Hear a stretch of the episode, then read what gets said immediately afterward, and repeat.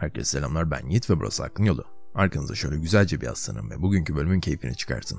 Bugünün geleceğini hepimiz biliyorduk. Kaçınılmaz son yani. Birçok tabu hakkında bu mikrofona saatlerce konuştum ama bu konu diğerlerinden biraz farklı. Çünkü bugünün konusu seks. Rahatlayın çünkü ahlaki değerleriniz benimkiyle aynı olmayabilir. Dini görüşünüz de benimle aynı olmayabilir. Hatta sekse bakışınız da benimle aynı olmayabilir ki bunda hiçbir sorun yok. Seks eminim ki sizin için de çok mahrem bir konudur. Ama aklın yolu özgür bir düşünce adresi ve en güzeli de sizin bu utanç verici konu hakkında konuşmanız gerekmeyecek. Zaten ben konuşuyorum siz de her bölümde olduğu gibi dinliyorsunuz. Tabii ki de size bu bölümde daha iyi seks pozisyonları tavsiye etmeyeceğim. Aksine seksin çok az konuşulan felsefesi, psikolojisi ve fizyolojisinden bahsedeceğim. Umarım bugünkü podcast'i beğenirsiniz. Gün içerisinde seksi zaten fazlasıyla düşündüğümüzü sanıyorsak e, aslında yanılıyoruz. Yeteri kadar düşünmüyoruz. Veya şöyle diyeyim doğru şekilde düşünmüyoruz. Şunu sorarak başlamak istiyorum. Bir şeyi seksi yapan şey nedir? Neden bazı anlar, bazı durumlar, bazı kişiler daha seksi? Birçok insan ve analist bunun doğrudan insanın yalnızlığıyla ilişkili olduğunu söylemekte. Günümüzde hayatlarımızın büyük bir çoğunluğunu izole şekilde ayrıştırılarak, yalnız kalarak, yalnız yaratıklar olarak geçiriyoruz. Ama bu büyük, korkunç, kimseyi tanımadığımız şehirlerde bazen çok olağanüstü bir şey gerçekleşebiliyor. Birisi çok ilginç bir şekilde dilinizi onun ağzının içine sokmanıza izin veriyor. Ki bu harika bir şey. Seks olağanüstü bir şey çünkü mahrem. Ee, başka biriyle oluşturduğumuz ütopya olarak düşünebilirsiniz. Başka bir insan sizi olduğunuz gibi kabul ediyor ve işte seks heyecan verici yapan şeylerin başında da bu geliyor. Bu heyecana da işte turn on diyoruz veya seksi diyoruz değil mi? Ama bundan çok daha derin bir konu bu. Psikolojik olarak çok zengin. Bizi tamamıyla insan olarak hissettiren yegane şeylerden birisi. Seks sırasındaki agresifliği düşünün mesela. Birbirlerini ölene kadar çok sevecek iki insan birbirlerine vuruyor. Birbirlerinin sırtlarını tırmalıyor, isimler takıyor, saçlarını çekiyor. Ne oluyor lan burada? ne olduğunu söyleyeyim. Güven. Güven oluyor. Birbirini seven iki insan birbirine vuruyor. Bunlar da daha agresif tarafımız dahil olmak üzere başka bir insan tarafından tamamıyla kabul edilmemizle alakalı olan bir şey. Ve bunun da getirdiği mutluluk ve huzur. Şimdi de size şunu sorayım. Neden bazı insanlar diğerlerine göre daha seksi geliyor bize? Seksi insan ne anlama geliyor? Aslında evrimsel biyologların buna çok net bir cevabı var. Seksi insan sağlıklı insandır. Yani seksi dediğimiz insan simetriktir. Mesela yüzü simetriktir. Çünkü surattaki bir asimetriklik e, doğrudan çocukken geçirilmiş veya şu an geçirilmekte olan bir hastalığın bilinçaltımızdaki habercisi olabilir. Daha simetrik olan insan çoğunlukla daha sağlıklıdır ve dolayısıyla daha seksidir ve o insanlarla ürediğimizde de çocuklarımızın daha uzun ve daha sağlıklı bir hayatı olacaktır. Evrime göre seksilik işte bu kadar basit. Ama bu biyolojik analizde bir sorun var. Yanlış mı? Yo değil. Düşününce gayet mantıklı ve doğru. Problem çok sıkıcı olması ve aynı zamanda benim sanatla ilgilenen insanları daha seksi bulmamı da açıklayamıyor veya başka birinin daha zengin insanları daha seksi bulmasını da açıklayamıyor. Bir insanın suratına baktığımızda, gözlerine baktığımızda sadece o insanın simetrikliğine bakmıyoruz öyle değil mi? O suratın bir mizahı vardır, bir tadı vardır, bir fikri temsil eder o insan. Mesela açık görüşlü biri olduğunu veya güçlü bir karaktere sahip olduğunu söyler bize. Yani bir insanı seksi yapan şey sadece sağlığı değil, tümüyle doğasıyla ilgili olan bir şey. Bir bütün olarak, insan olarak beynimizde oluşturduğu fikirle alakalı. Bu yaşadığımız yıllarda dış güzelliklerle başımız bayağı bir dertte. Şu cümleyi çok kez duyuyoruz öyle değil mi? Bu herifin tek derdi benim dış görünüşüm. Bu kadın beni sadece vücudum için beğeniyor. Ve bu da bir çeşit hakaret olarak algılanıyor ama işte size bunun böyle olmadan anlatmaya çalışıyorum.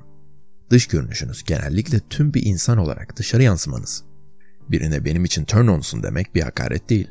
Türkçesi komik olduğu için kullanmıyorum. Şöyle diyeyim karşınızdakine beni azdırıyorsunuz demek hakaret değil. Oldu mu şimdi? Peki şimdi şunu düşünelim. Neden bazı insanlara göre seksi bir kişi diğer insanlara göre öyle değil? Tabii ki de güzellik görecelidir orası ayrı bir mevzu. Psikoanalistçiler bunun çocukluk döneminden oluşan bir yönelim olduğunu söylemekte. Özellikle de anne ve babaların getirdiği bir şey olduğunu. Yani birine Angelina Jolie mi daha seksi yoksa Scarlett Johansson mı daha seksi denildiğinde verilen cevap eğer sorduğunuz kişi erkekse aslında o kişinin annesiyle alakalı. Farklı backgroundlardan geldiğimiz için böyle oluyor. Bizi ne yazdırıyor demek yerine şunu sormalıyız. Bizde ne eksik? Bizi etkilen insanlar işte genellikle bu eksiklikleri barındırıyorlar işlerinde. Şimdi gelin seksin problemlerinden konuşalım. Bence ve birçoğuna göre seksin iki tane ana problemi var. Bunlardan birincisi çok az seks yapıyor oluşumuz. Var mı aranızda? Yok mu? ve diğeri de çok seks yapıyor oluşumuz. Bu var mı? tabii tabii aynen. Partnerlerimizle çok az seks yapmamızın ana sebebi şu. Aynı insanla aynı zamanda birçok farklı şeyler de yapmak zorundayız. Ondan tarihte mesela bazı kültürlerde çok eşlilik varmış öyle değil mi? Mesela bizde bir insanla her gün BİM'e gidip ucuz indirimler kovalayacağım, diğeriyle çocuklarımı büyüteceğim, diğeriyle harika bir seks hayatımız olacak. Ama günümüzde tüm bunları işte aynı kişiyle yapmak zorundayız. Yani yapıyoruz. Yani karı ve kocalarımızla. Hem BİM'den indirim kovalıyoruz, hem seks yapıyoruz, hem de çocuklarımızı beraber yetiştiriyoruz ve evin tüm dekorasyonunu birlikte belirliyoruz.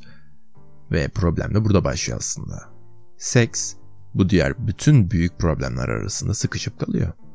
Yani bu problemlerin herhangi birinde bir aksaklık olduğunda darbeyi seks alıyor. Bunun da önüne geçmenin sadece tek bir yolu var. O da o kişiyi tekrardan eskisi gibi sadece seks yapmak için çabaladığımız insan olarak görmeye çalışmak. Ki bu gayet zor bir şey. Ve bu da gerçekten günümüz ilişkilerinin en büyük sorunlarından bir tanesi. Şimdi bunu gülmeden anlatmam biraz zor olacak ama bilmiyorum. Aşina mısınız ama kakot denilen bir kavram var. Var yani ben de anlatacağım yapacak bir şey yok. Özellikle Türkiye'de de aşırı derecede fazla olan bir kavram bu. Mesela postyourpartner.com diye bir site var ve e, bizim ülkemizde yasaklı biz giremiyoruz tabi. Ki zaten girmezsiniz. İnsanlar partnerlerinin çıplak fotoğraflarını çekip bu sitede paylaşıyorlar. Peki bu insanlar yani bu yabancı ülkede yaşayan gavurlar bunu niye yapıyorlar? Burada olan şey diğer insanların libidolarını kullanarak eskiden yani beraber bir alışverişi yapmadan önce partnerlerinizin sizin için ne kadar çekici olduğunu hatırlamak. İşte o zavallı insanları partnerlerinizin turn on özelliklerini, seksi özelliklerini tekrar hatırlayabilmek için kullanıyorsunuz. Burada anlatmaya çalıştığım şey bu tarz sitelere insanların ihtiyacının aslında olmaması. Bunu tamamen zihninizle de yapabilirsiniz çünkü. Bir nesneye veya bir insana nasıl baktığınız ile ilgili olan bir şey bu. Ressamlar bunu sürekli olarak yaparlar. Bizim her gün baktığımız şeylere başka bir açıdan bakabilirler. Ve siz de bunu görürsünüz. Şimdi diğer ana probleme geçelim. Çok fazla seks yapmak. Bağımlılık derecesinden bahsediyorum. Seksin bildiğiniz gibi en büyük özelliklerinden biri yapıldığı sırada bize içimize sıkıntı veren, acı veren duygularımızın veya kaygılarımızı yok etmesi. Yani düşünmek istemediğimizde veya bir şeyden kaçmak istediğimizde. Biz erkekler ile ilgili konuşayım. Bir konu hakkında kaygılarımız, ağır depresif düşüncelerimiz varsa ve ilginç bir tesadüf ile bilgisayarımızın başında oturuyorsak o sırada ne yaparız? Biliyorsunuz öyle değil mi? İnternette küçük bir araştırma yaparız öyle değil mi? Çünkü seks e, çok açıkça kaygıları iyileştirmenin en basit yollarından bir tanesi. Buna karşı çıkabilecek olan var mı aramızda? Ama bu anksiyete bakın çok önemli. Seksi ondan kaçmak için kullanıyoruz. Yapmayın. Tarih boyunca birçok insan bize bunu anlatmaya çalışmışlar. Çok fazla seks yapmayın, çok fazla seks düşünmeyin demişler. Çünkü seksin zayıf bir iradesi olan, zayıf bir doğası olan insan üzerindeki etkilerini bilirlermiş. Aklımda mesela ben bunu söyleyince şöyle bir görsel oluşuyor. Çarşaflı kadınlar geliyor aklıma. Ki eminim birçoğunuz çarşaf kültürüne karşı olacaksınızdır. Özellikle ülkemiz Türkiye Cumhuriyeti'nde. Şöyle de düşünüyor olabilirsiniz. Bir plajda oturuyorsunuz ve çok önemli konular hakkında düşünüyorsunuz. Mesela kuantum vizyon. Tabii ki de eğer gelişmiş, saygılı bir insansanız, olgun bir insansanız, bir bireyseniz, yanınızda üstsüz güneşlenen bir kadın tarafından dikkatiniz dağılmaz. Çünkü dediğim gibi olgunsunuz, bir bireysinizdir ve böyle şeyleri aşmışsınızdır. Arkadaşlar şova gerek yok. Tabii ki de dağıtır. Eğer heteroseksüel bir erkekseniz, hormonlarınız ve kan değerleriniz normalse, tabii ki de üstsüz güneşlenen bir kadın tarafından dikkatiniz dağılır. Biraz gerici şeyler söylemem gerekir sanırım bu noktada değil mi? Hiç sanmıyorum. Erkekler için konuşacağım ama aynı şey e, kadınlar için de geçerli. Seksi bir karşı cins dikkatinizi dağıtır ve bazı şeylerden sizi alıkoyar. Benim fikrim şu yönde.